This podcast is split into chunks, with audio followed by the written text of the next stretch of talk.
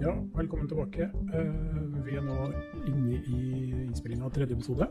Det er litt uh, tungt å ta opp mye av det som har skjedd, og det er litt, uh, litt, vanskelig å komme seg videre akkurat nå. Så vi gjør et lite hopp i tida. Sånn at vi, vi skal se på noe som skjedde rundt 2010-2011. For å ja, kanskje få fram litt mer på situasjonen vi står i opp mot mor. Og, så videre, og øvrig familie.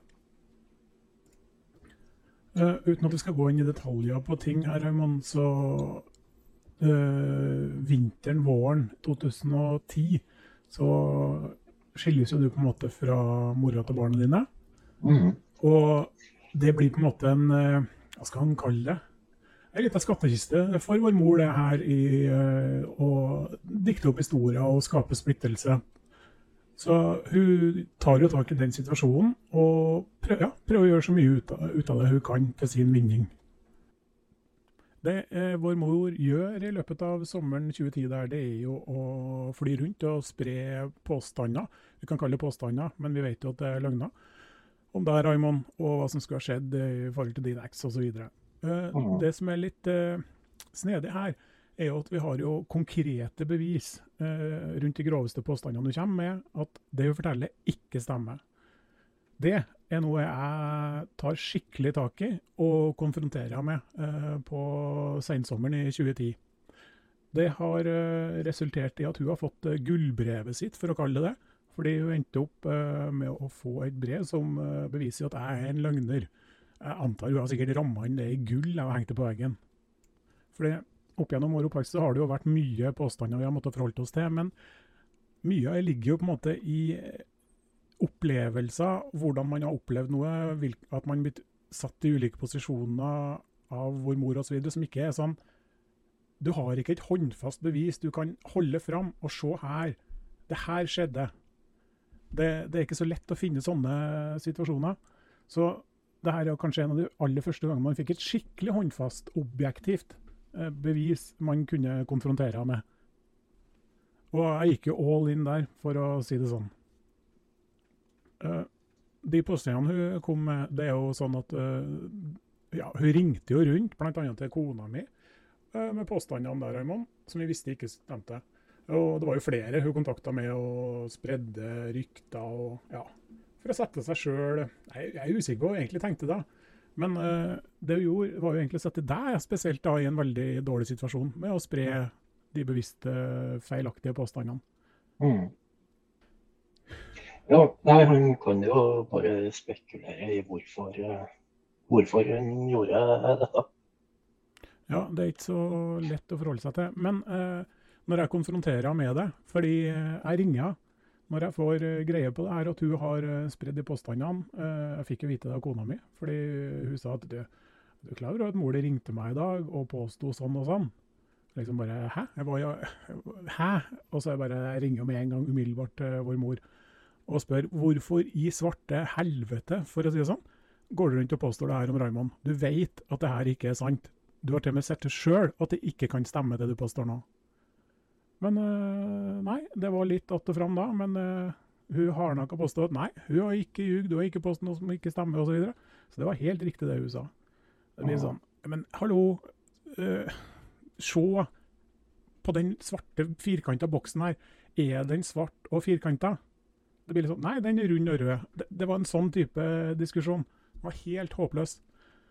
Og det endte jo med, som alle andre ganger tidligere med, hun ja, snudde jo alt og bare begynner å påstå igjen at vi bare har vært ute etter å ta og tull og ikke måte på hvor fæle og ja, Masse usammenhengende påstander om helt andre ting.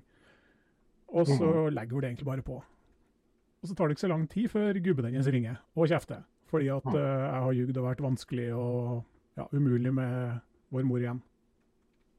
Ja. ja, den er jo ganske klassisk, den der.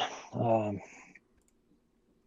når jeg snakker med gubben hennes, så kommer det jo mye påstander fra han om uh, ting jeg skulle ha sagt og ting jeg skal ha gjort osv., som uh, vår mor har fôret han med.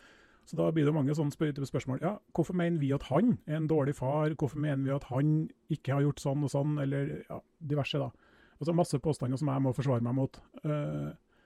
Og urimelige påstander må, må forsvare seg mot.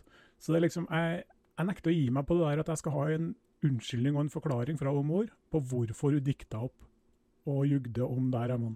Men det får jeg ikke. Men jeg får masse tilbake som jeg er nødt til å forsvare meg mot.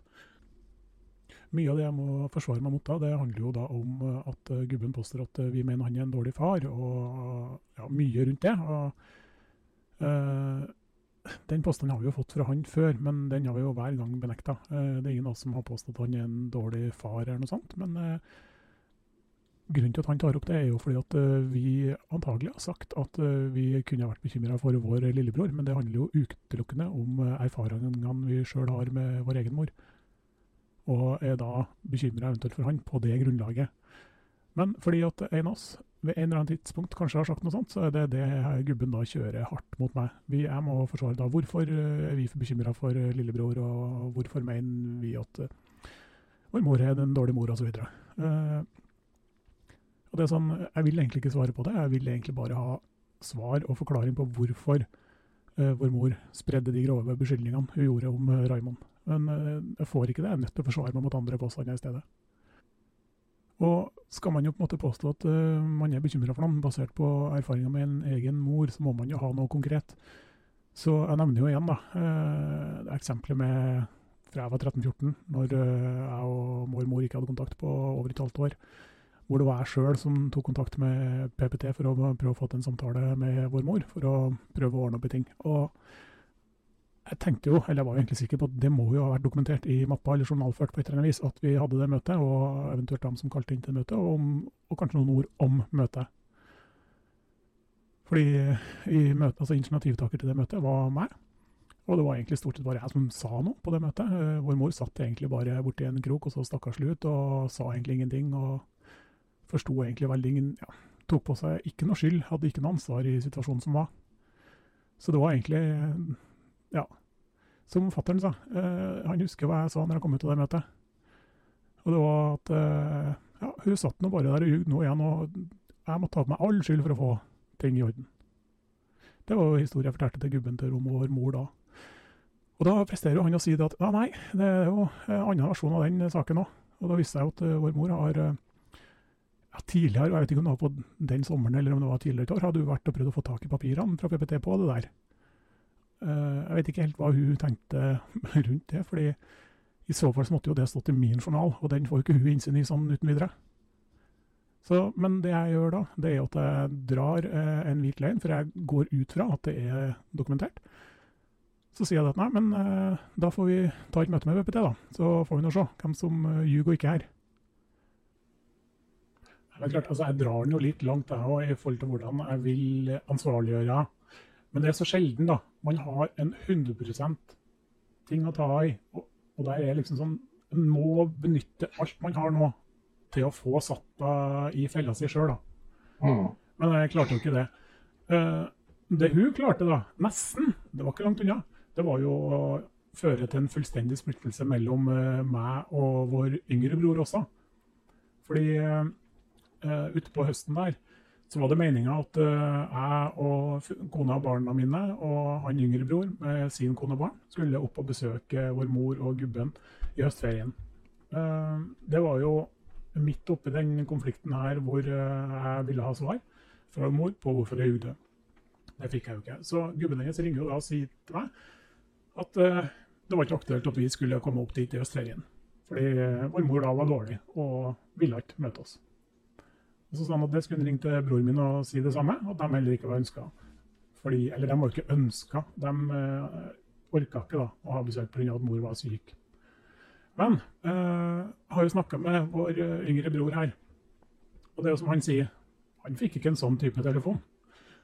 Han eh, fikk vel en type telefon fra gubben, hvor eh, han forteller at eh, mor er syk og ikke vil ha besøk osv. Men han får noen telefoner fra mor, og der fortelles det om noe helt annet. Der fortelles det om hvor, eh, ja, hvor fæl jeg er, da, og, og du Raymond, skulle ha drapstrua for et eller annet det samme året. Og, ja, det, er mye påstander, rett og slett, eh, som gjør at han blir jo dritforbanna. Og sender meg en tekstmelding like etter han har snakka med Uda om at uh, nå var han drittlei meg og mine løgner, så nå ville han ikke ha noe mer med meg å gjøre. Ja, Det her var vel i slutten av september 2010. det. Og det medførte jo bare igjen da, at uh, at situasjonen ble som den ble. Jeg får så mye beskyldninger og påstander mot meg fra alle her.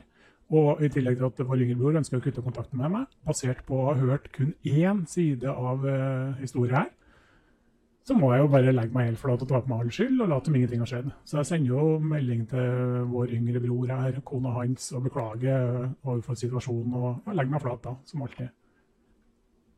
Så sånn ender det jo på en måte der.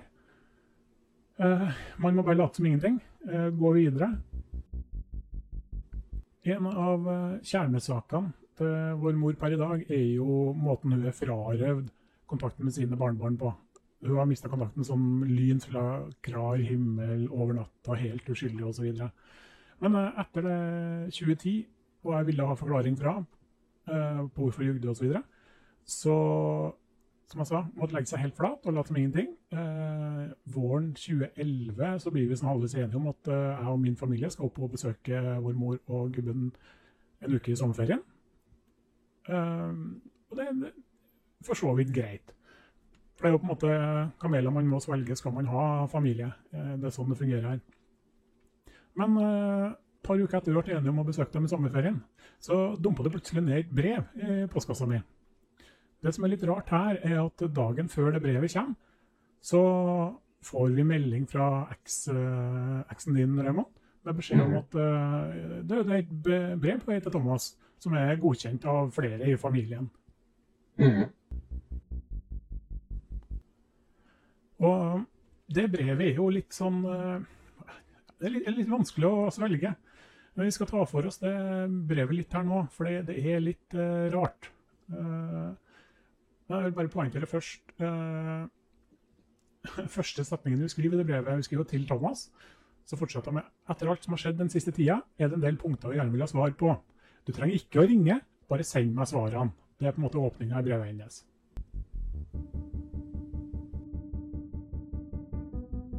Til Thomas. Etter alt som har skjedd den siste tiden, er det en del punkter jeg gjerne vil ha svar på. Du trenger ikke ringe, bare sende meg de svarene. Jeg forstår ikke hvorfor du, tar dette som en sak som du skal ordne opp i heller. Dette er vel noe mellom oss og Raymond, men jeg forstår jo at det er behagelig for han å bruke deg som advokat for seg, for som han har sagt tidligere, så skal det ikke mye til for at du klikker bare det er noe negativt om meg. Ettersom du ikke har vært her og sett eller hørt hva som har foregått, bare hørt på Raymonds forklaringer, behagelig for han å bare stikke da du tar saken. Dette er tre gang, men denne gangen har det gått altfor langt. En gang var da vi holdt på å skifte bordkledning og vinduer på huset, se 14 år siden, Raymond bodde da hjemme på loftet, sov om dagen oppe på natta, vi prøvde gjentatte ganger å få han til å hjelpe til, han var oppe om nettene, det var aldri stille i huset, vi ble stadig vekt av at han, luska, rundt i huset, vi ble slitne av søvnmangel, og at vi hadde en voksen person i huset som kunne ha hjulpet til med snekring og hotell. Da vi satte hardt mot hardt, enten fikk han hjelpe til, eller finne seg et annet sted å bo, dro han til Momarka, der fortalte han vi hadde kasta han ut. To gang. Da bodde han ved Bjørnang, høsten høsten 2001. Vi hadde alle, både vi, mor og far, så godt. Vi kunne, vi alle var der mange ganger, det var tydelig for alle at han trengte hjelp, for oss som var. Der også hvordan det sto til, hun han leide hos fortalt også at hun hadde vært bekymra for han da vi var oppafor og rydda ut etter at han dro sørover. Den natta han ringte og fortalte at han skulle ta livet av seg, var på jobb, var da sju år, han lå og så, jeg prøvde flere ganger å ringe Raymond den natta, men fikk ikke svar, hva skulle jeg gjøre? Jeg valgte å ringe legevakta, heldigvis ville de dra oppover, jeg fortalte hva Raymond hadde sagt til meg på natta, legen valgte å ta med politiet oppover, de tok med Raymond på sikk. Levanger, de ringte meg flere ganger den natta for å fortelle hvordan det gikk, for å berolige meg også, legen sa også, PK Olsen, at Raymond var ute av balanse og trengte hjelp, men ettersom de ikke kunne beholde han på sikk mot hans vilje dro han derfra på morgenen etter.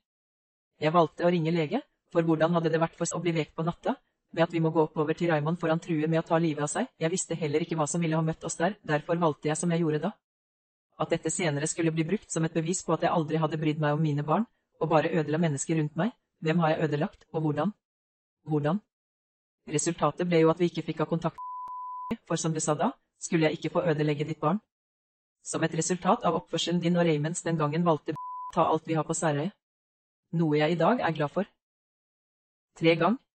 Nå sist sommer, høst, vinter, vår, sommer 2002-2003 hadde han det så ille for de dette vet du også at jeg, vi trodde på da.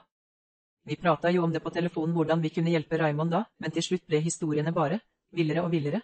Jeg sa Ragnhild på TLF da hun spurte om hvordan det gikk nedafor at, at jeg begynte å tro at alt han sier at ikke stemmer, fordi historiene blir bare villere og villere, så jeg hadde slutta å tro på han, det var jo sånn at En dag jeg var nedafor etter at de hadde vært i Syden, viste de bilder derfra, og fortalte hvor fint de hadde hatt det, og at de skulle tilbake igjen. Noen dager senere fortalte Raymond at han hadde sittet alene. Tror nok han da skjønte at han ble avslørt da. Og da blir det problemer. Siste gang var her var da du og var oppa for sensommeren 2003.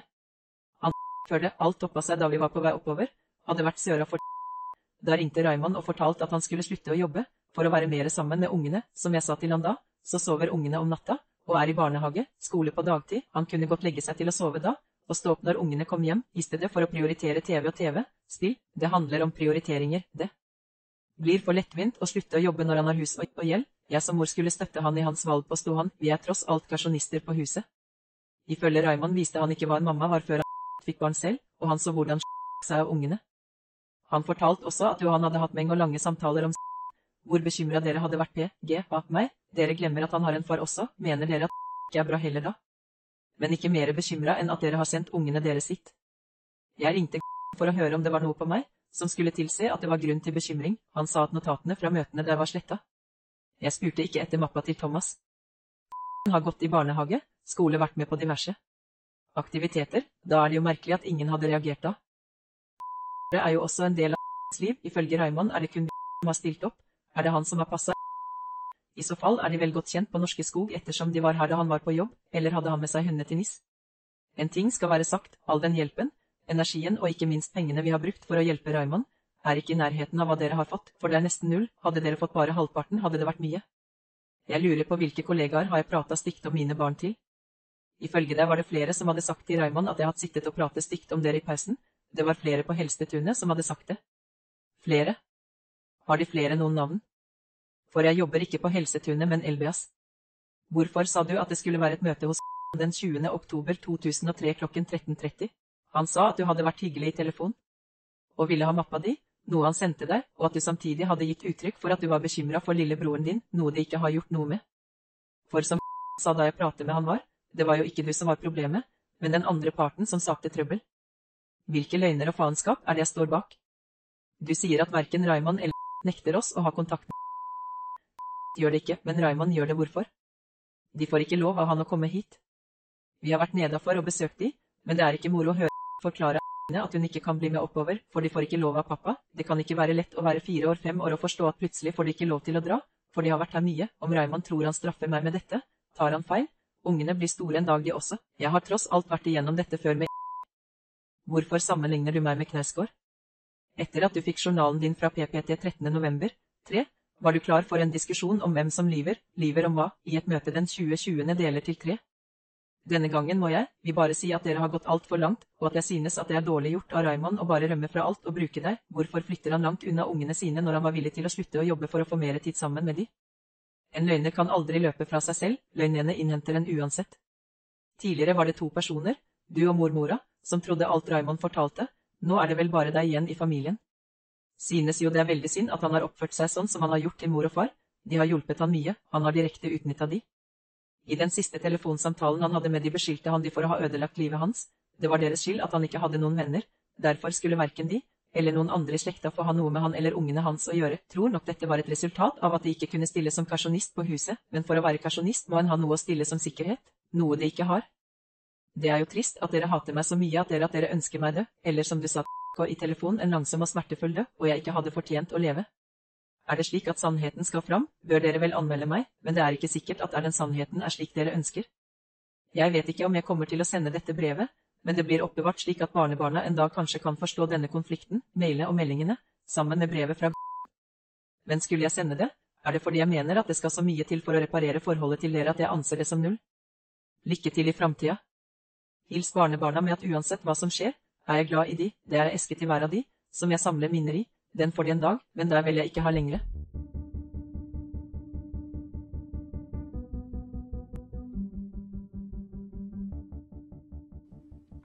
Nå har dere hørt hele brevet som vår mor sendte til meg i 2011. Det kom i slutten av mai. Eh, og hun fikk gullbrevet sitt fra PPT på Levanger i midten av desember 2010.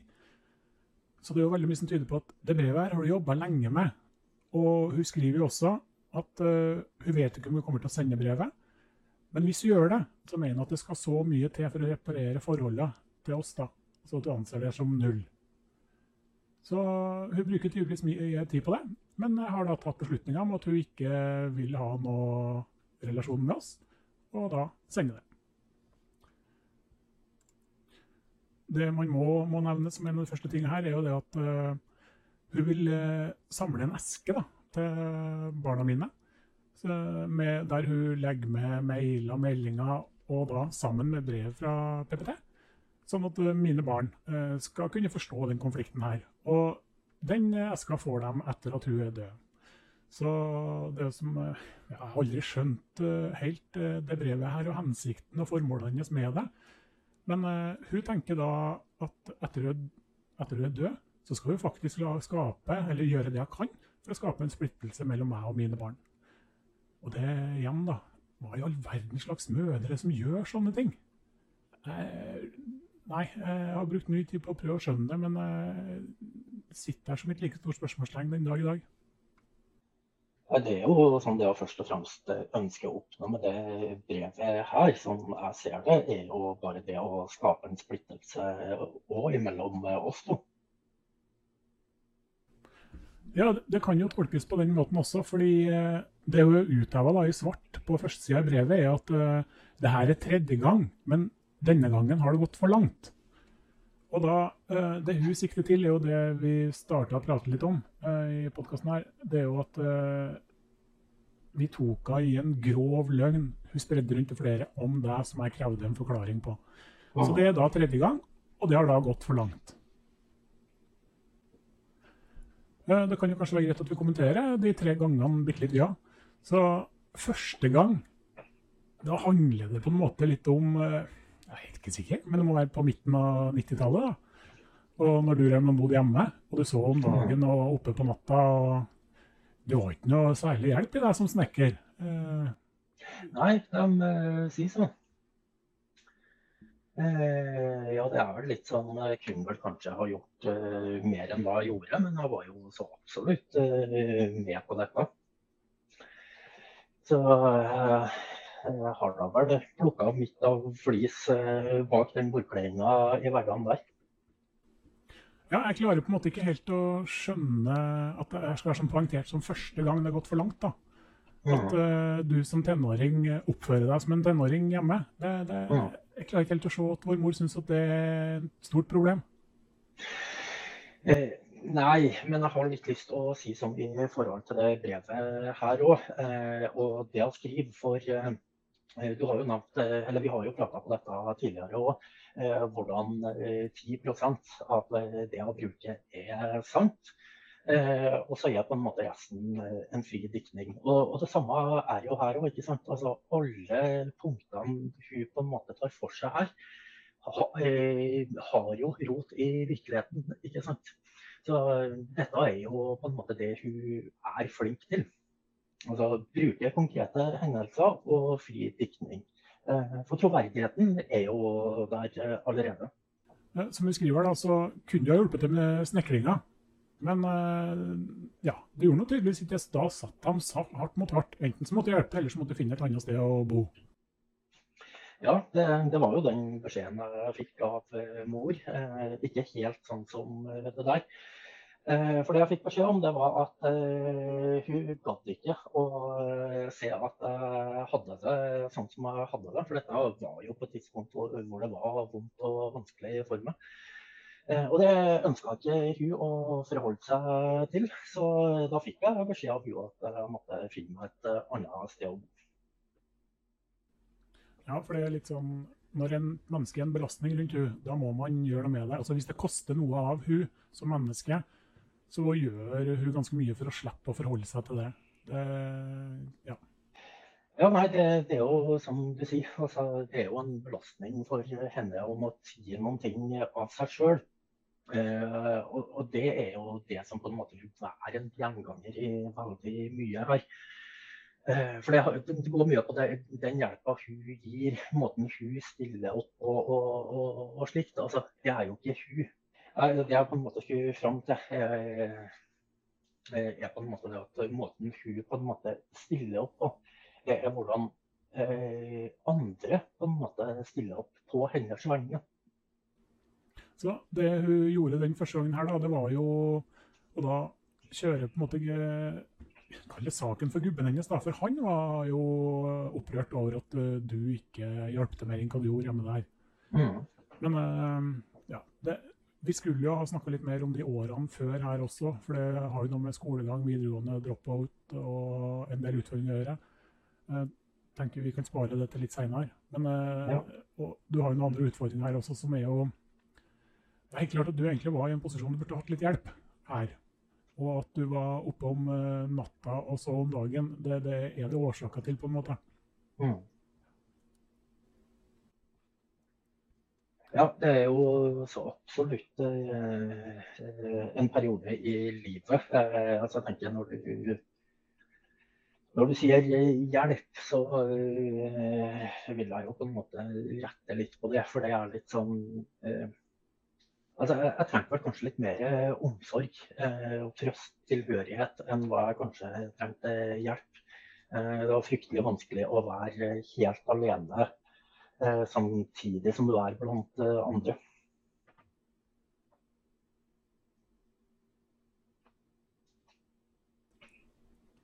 Ja, Det var jo egentlig det samme som du sa. Jeg mente også. Jeg tenkte ikke at du trenger hjelp, på en måte, det, men det er jo rett og slett omsorg. For uh, du var på en måte i en vanskelig situasjon. Uh, ikke fullført skolegang, ikke jobb ikke, altså, Du hadde på en måte ikke noe verdifullt å fylle dagene dine med. Andre gang handler om en episode Det står i høsten 2001. Jeg husker ikke om det stemmer. Men uh, det handler om at uh, jeg var egentlig veldig bekymra for, for, deg den perioden du bodde på Bjørnang. Fordi du hadde egentlig bare deg sjøl uh, å forholde deg til. Du gikk på sosialstønad, så vidt jeg husker den gangen. Så, sånn som jeg husker deg da, så satt du vel egentlig mer eller mindre inne helt alene uh, i den kjellerleiligheten. Gikk ut på butikken en gang hver 14. dag og kjøpte mange kilo mjøl og hvitost. Det er på en måte alt jeg husker. For du bakte og hadde råd til ost på brødskiva. Og det var på en måte det du gjorde. Mm. I litt for lang tid. så ja, jeg var bekymra for deg fordi jeg opplevde at du gikk på en måte mer og mer i kjelleren. Og avstanden til vår mor og deg den ble på en måte bare større og større. Du hørte ingenting fra hun, det var liksom ingen som stakk innom deg. De bodde jo, altså Mor og gubben hennes de bodde jo bare fem kilometer unna. Men uh, de var jo på en måte ikke-eksisterende. Og du satt på en måte sånn som jeg så det, bare og råtna i en kjellerleilighet. Mm. Så eh, hva skal han si Vi visste jo egentlig at, at vår mor ikke brydde seg. Men uh, hun har jo på en måte skapt en illusjon av at hun bryr seg som bare det overfor alle. Så det blir litt sånn Nei, men da skal vi sjekke om hun faktisk bryr seg, da. Så uh, jeg ringer jo til henne og sier at jeg er bekymra for at du skal ta livet ditt uh, en kveld der. Bare for å se hva, hvordan er du reagerer. Det skal jo sies at innerst inne så var jeg nok faktisk litt bekymra for det òg. Fordi det gikk ikke spesielt bra. Så det var på en måte en grunn til å være bekymra for det. Ja, men jeg tenker Det er et viktig eh, her å, å, få inn hva som skjer litt i forkant eh, her. For det er jo en, eh, en episode, skulle jeg til å si. Eller det er jo ikke en episode, men det er jo vår lillebror. Vi var jo mye sammen. Og dette var etter en helg hvor han hadde vært på overnatting hos meg. Og når jeg da leverer han hjem, så så, så, vil jo han eh, være med meg, eh, og utagerer jo med gråt, ikke sant. Eh, og fra den dagen så, så, så endrer jo ting seg drastisk. altså Da forteller jo min mor at lillebror han har ikke godt av å være sammen med meg. hun forteller da til besteforeldre at jeg er psykisk syk.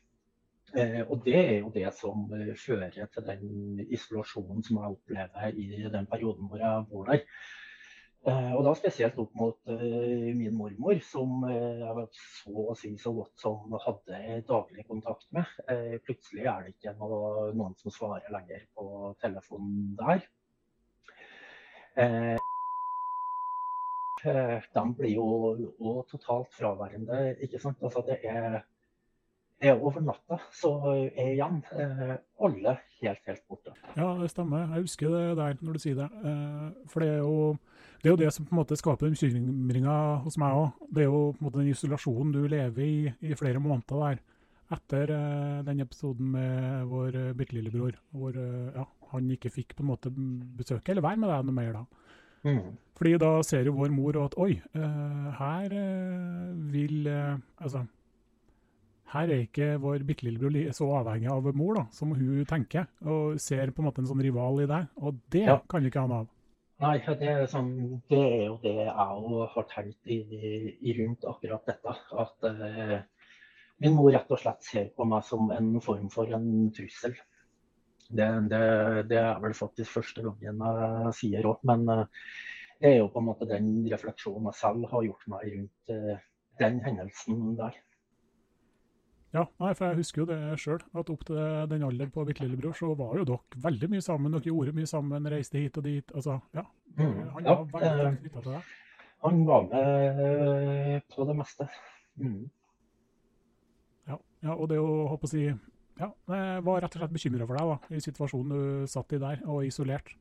Mm. Som eh, Vi prøvde da å få mor til å sparke i ræva for å få henne til å bry seg, men eh, det funka jo ikke.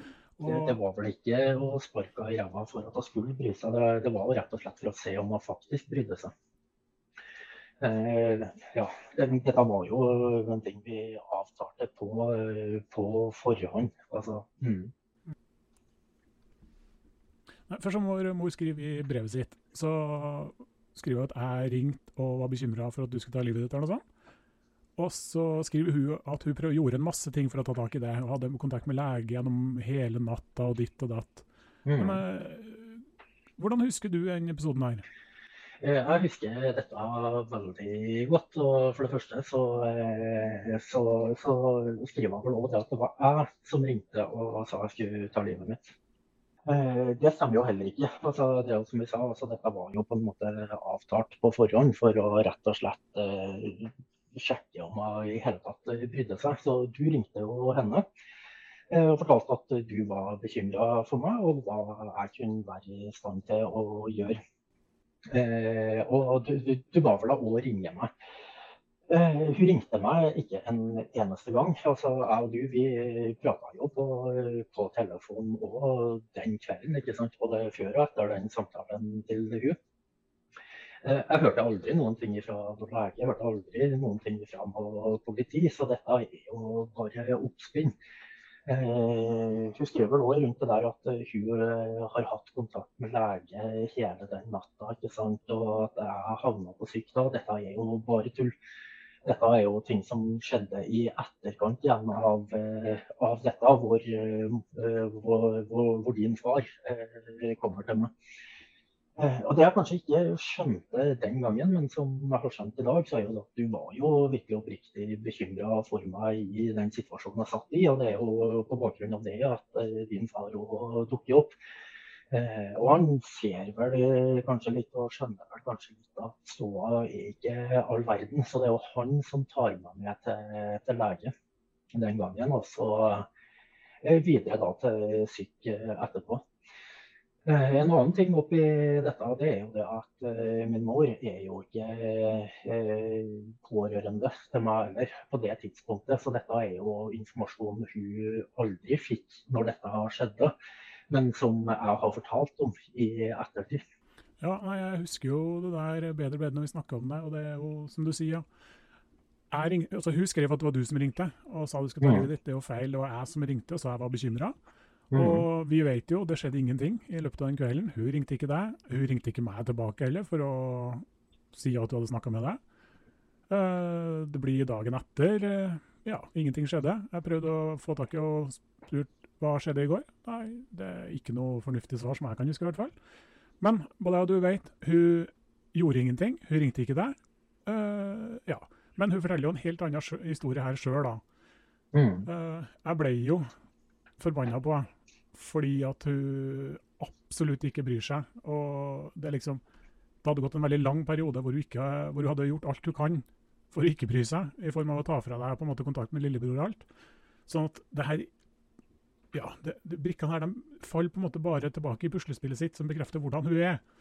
Og jeg ble forbanna på henne, og krangla litt med henne og sa som at altså, hvis du ikke kan være en bedre mor for din egen sønn, så får du ikke lov til å ødelegge eh, for meg og barn, altså eldste dattera mi osv. Så, videre. så jeg, jeg tror jeg nekta å ha noe med barnebarn å gjøre før hun ordna opp i det her.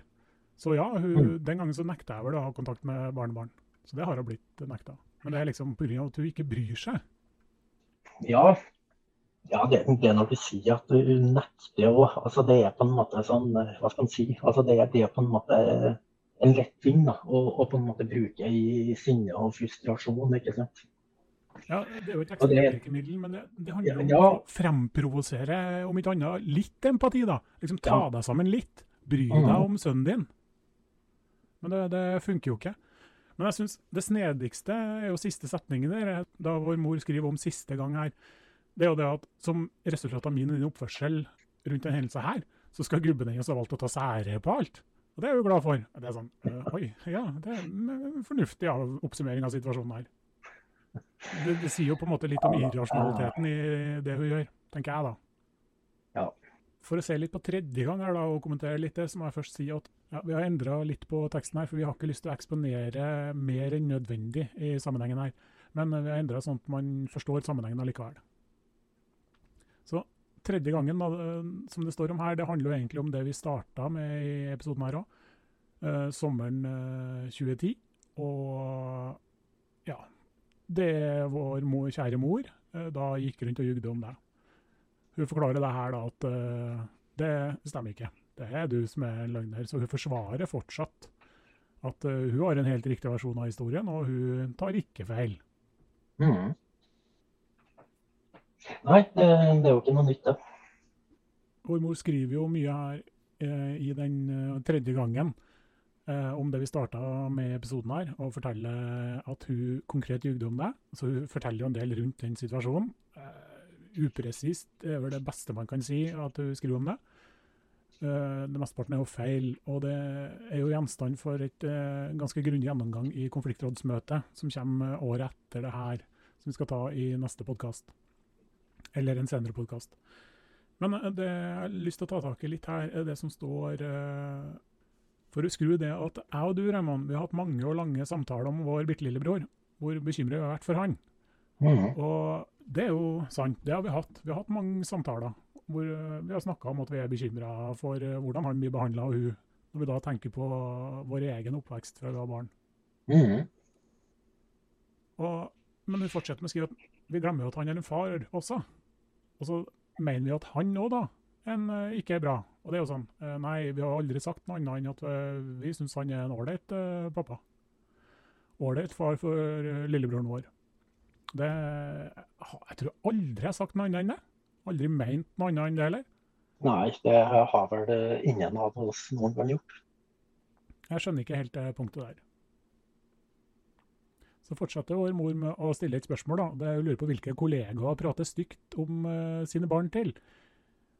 Og det er sånn Fins det noen hun ikke har snakka stygt til om sine barn, da? Uh, man hører jo ganske mye, spesielt nå da i 2023, når man har snakka med noen uh, om mor vår. Det er jo ingen som sier at hun har snakka positivt om noen mange ganger. Så det er vel, jeg tror det er mye lettere å finne en kollega hun har prata fint om noen med, enn å finne noen hun ikke har prata stygt om noen med. Så absolutt. Og så gjør jeg jo artig da, hun gjør jo et kjempepoeng av at noen visstnok skal ha sagt å jobbe på et annet sted enn hun gjør. Jeg skjønner ikke hvor det kommer fra engang. Nei, men dette er jo eh, altså, Det beviser jo bare hva, hva, hva henger seg opp eh, i. Altså Hva ting handler om, har jo aldri hatt noen betydning. Aldri. Det er litt sånn videre artig her, da, for hun skriver kort om at eh, det påståtte møte hos PPT som jeg jugde om, for å prøve å få hun til å ta ansvar og si at hun hadde jugd. Og der eh, skriver hun at jeg hadde vært hyggelig i telefonen da, med han på PPT. Jeg ville bare ha mappa mi, og det sendte han til meg. Uh, og så skal jeg ha gitt uttrykk på at jeg er bekymra for lillebroren. Uh, og så fortsetter hun å skrive at uh, han PPT-mannen sa at det var jo ikke du som var problemet, men det var den andre parten som skapte trøbbel. Det er da på en måte noe han sier til hun da, at, at hun er ikke problemet, den andre parten som skaper trøbbel. Og det er litt sånn hm, Hvis jeg da samtidig hadde vært hyggelig i telefonen og bare spurt etter mappa mi, på hvilken måte ville jeg skape trøbbel? Den stusser jeg litt på. Så hun fortsetter med neste spørsmålet sitt her. Hvilke løgner og faenskap er det hun står bak? Ja, det Vi får se da, hvor mye vi får lagt fram av det. Vi får se hvor mange episoder det blir. Men eh, ganske mye er vel svaret på det. Så bare hopper jeg litt fram i brevet, fordi jeg syns det er snedig som står her. fordi den gangen her så må hun si at nå har vi gått for langt. Hun syns det er dårlig gjort da, av, Ra- av Raymond og deg å bare rømme fra alt og bruke meg. da. Mm. Det, fordi er ikke det det hun alltid gjør? Hun bruker jo alltid andre, påstår ting, og får dem til å ta en kamp mot oss basert på ja, løgner. og Ja, det, det er jo det som på en måte er frustrerende, har vært dette alltid. Det er jo det at uh, vi prater jo aldri med mor. Det er jo andre vi må forholde oss til. Så det er jo, som, det er jo på en måte det hun beskylder deg for nå, eh, er jo hva hun selv alltid har gjort. Ja, det blir som vi sa tidligere, på seg sjøl kjenner man andre. Det er veldig lett å beskylde noen andre for å være akkurat sånn som du sjøl er. Det, den fella må vi passe på ikke gå i sjøl, men eh, ja. Men det er jo helt klart at uh, vår mor bruker da, uh, den episoden fra 2010 der, og brevet hun fikk fra PPT, som uh, på en måte grunnlag for at alt hun sier, alt hun sier er riktig, og alt det vi eller jeg sier, det er feil. For da, det, hun skriver jo her eh, en løgner kan aldri løpe fra seg sjøl. Løgnene innhenter en uansett. Og Tidligere var det to personer, altså meg og mormor, som trodde på Raymond. Nå er det bare meg da, igjen i hele familien. Mm. Så ja, da i 2011 så står vi da helt alene på bar bakke, jeg og du da. Mm. Og det er jo den setningen der som gjør at uh, jeg tenker jo at eh, hensikten eh, med å sende deg et sånt brev, er jo det at du òg skal skjønne hvordan jeg er, ikke sant. Nettopp for å, å splitte oss òg. Nei, ja, du tror kanskje det. Jeg tror ikke det. Brevet her, for det første, hun skal jo ha skriftlig svar, jeg skal ikke ringe henne. Mm. Uh, og hun kommer med mye grove påstander som hun ja, vet på en måte, og så burde vite at det er feil. Men jeg tror, ikke, jeg tror ikke hun vet at det er feil, for jeg tror faktisk hun har den opplevelsen av at det her er riktig. Som, Nei. men Nei, der eh, kjenner jeg der eh, blir jeg litt uh, uenig. Fordi at hun vet. Det er ingen må komme og fortelle meg noe annet enn at hun ikke vet. Nei, jeg, det- jeg syns det er vanskelig å vite. Jeg syns det er vanskelig å forstå det. Men ja. Men jeg ser det som egentlig som på en måte en lang provokasjon for å fremprovosere en aktiv handling fra meg, enten i form av et, eh, å skrive da, et langt, krast svar til henne, som hun da kan fly rundt og løpe og vise rundt, hvor se hvor fæl har han skrevet det her sjøl, bare se hva han skriver. Mm. Eller så tror hun kanskje at jeg kommer til å ringe både hun og flere andre og kjefte og være forbanna pga. påstander som står der. Eh, jeg heller egentlig litt mer mot den teorien, i og med at Ja da. dagen før fikk, jeg fikk brevet, faktisk vite at det var et brev på vei til meg, og at det var godkjent av bl.a. han bror vår som er fire år yngre enn meg, og Mm. andre i slekta. Så det er, sånn, det er helt klart at her, det her er gjort for å skape en konflikt. Mm. For å framprovosere reaksjoner. Ja, så, så absolutt. Altså, dette er jo det er jo veldig kjent. altså Dette er jo ikke et brev som hun bare har skrevet for å sende til deg. ikke sant? Altså Her er det jo andre som også har godkjent det. på en måte, ikke sant? Altså Det er andre som her bekrefter det hun forteller. Og reaksjoner det er jo en ting jeg alltid på en måte har vært opptatt av. ikke sant? Så ja, jeg skjønner godt hva du mener med det å, å fremprovosere. For uh, dine reaksjoner kan jo hun her bruke til sin eh, fordel. Ja, hun tenkte i hvert fall det. Men uh, det var litt sånn i perioden her at jeg hadde begynt å skjønne litt ting også. Uh, forstått litt mer av måten hun opererer på. Uh, akkurat på det tidspunktet hvor det brevet kom også, så gikk jeg til sånn gruppeterapi. Hvor det å ransake seg sjøl litt og se litt innover i situasjoner var ganske stort tema. Så det gjør jo at man tenker på en litt annen måte rundt hendelser. Så for en gangs skyld så reagerte ikke ryggmargen min sånn som man pleier når man blir møtt av uforståeligheter fra vår mor. Så jeg eksploderte ikke. Jeg ringte ikke og konfronterte dem som eh, støtta det brevet her. Fordi hun skriver det jo direkte sjøl, at eh, nå er det bare to personer igjen. Eller nå er det bare meg igjen i familien som tror på det. Så hun setter jo på en måte alle i familien opp mot meg og deg egentlig i hjelp av det brevet. Også med å mm. påstå at det er godkjent av flere. Så hun forventa nok da at jeg som tidligere skulle ringe rundt til onkler, tanter, besteforeldrene, eh, litt yngre bror, og kjefte på dem. Hvorfor i, hva i helvete mener de med å sende et sånt type brev? Som hun da, eh, vår mor da, skal også bruke for å skape en konflikt mellom meg og barna mine, og antagelig barna dine og Raymond. Mm. Og som hun skriver òg, hun hadde ikke kommet og sendt det brevet hvis hun ikke hadde noe tro på at relasjonen kunne repareres. Så det her er det, det, altså det siste brevet, siste kontakten vår mor hadde tenkt å ha med meg. Ever. Mm. Uh, men hun fikk ikke responsen hun ville ha. Og det hadde hun ikke fått uh, fra høsten før òg.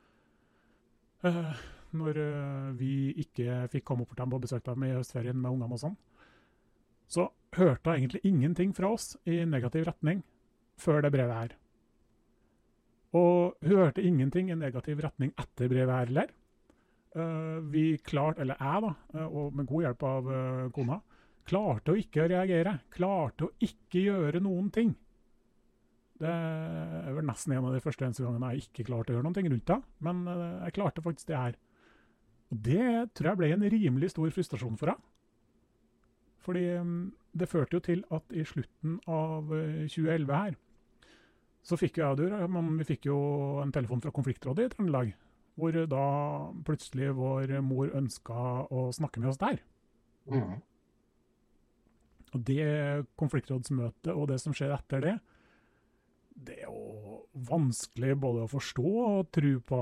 Uh, vi skjønner jo på en måte hva hun var ute etter. Og i det med altså fikk hun heller ikke det var ute etter. Men uh, hun klarer jo å lage, hun klarer å skape en situasjon som gjør at hun, hun får til det hun vil allikevel.